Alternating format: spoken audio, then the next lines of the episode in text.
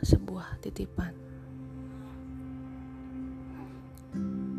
Seringkali aku berkata ketika orang memuji milikku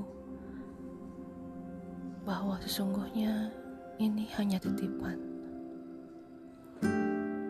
Bahwa mobilku hanya titipan Allah. Bahwa rumahku hanya titipannya.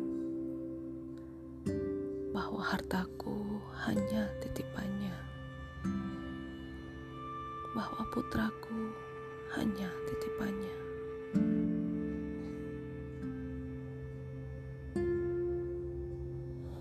Seolah semua derita adalah hukuman bagiku.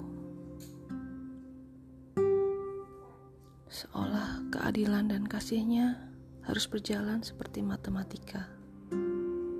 Aku rajin beribadah maka selayaknya lah derita menjauh dariku. Dan nikmat dunia kerap menghampiriku. Kuperlakukan dia seolah mitra dagang dan bukan kekasih.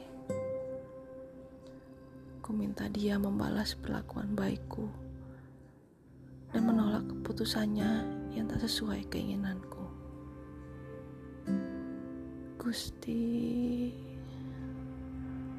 Padahal tiap hari ku ucapkan Hidup dan matiku hanyalah untuk beribadah Ketika langit dan bumi bersatu Bencana dan keberuntungan sama saja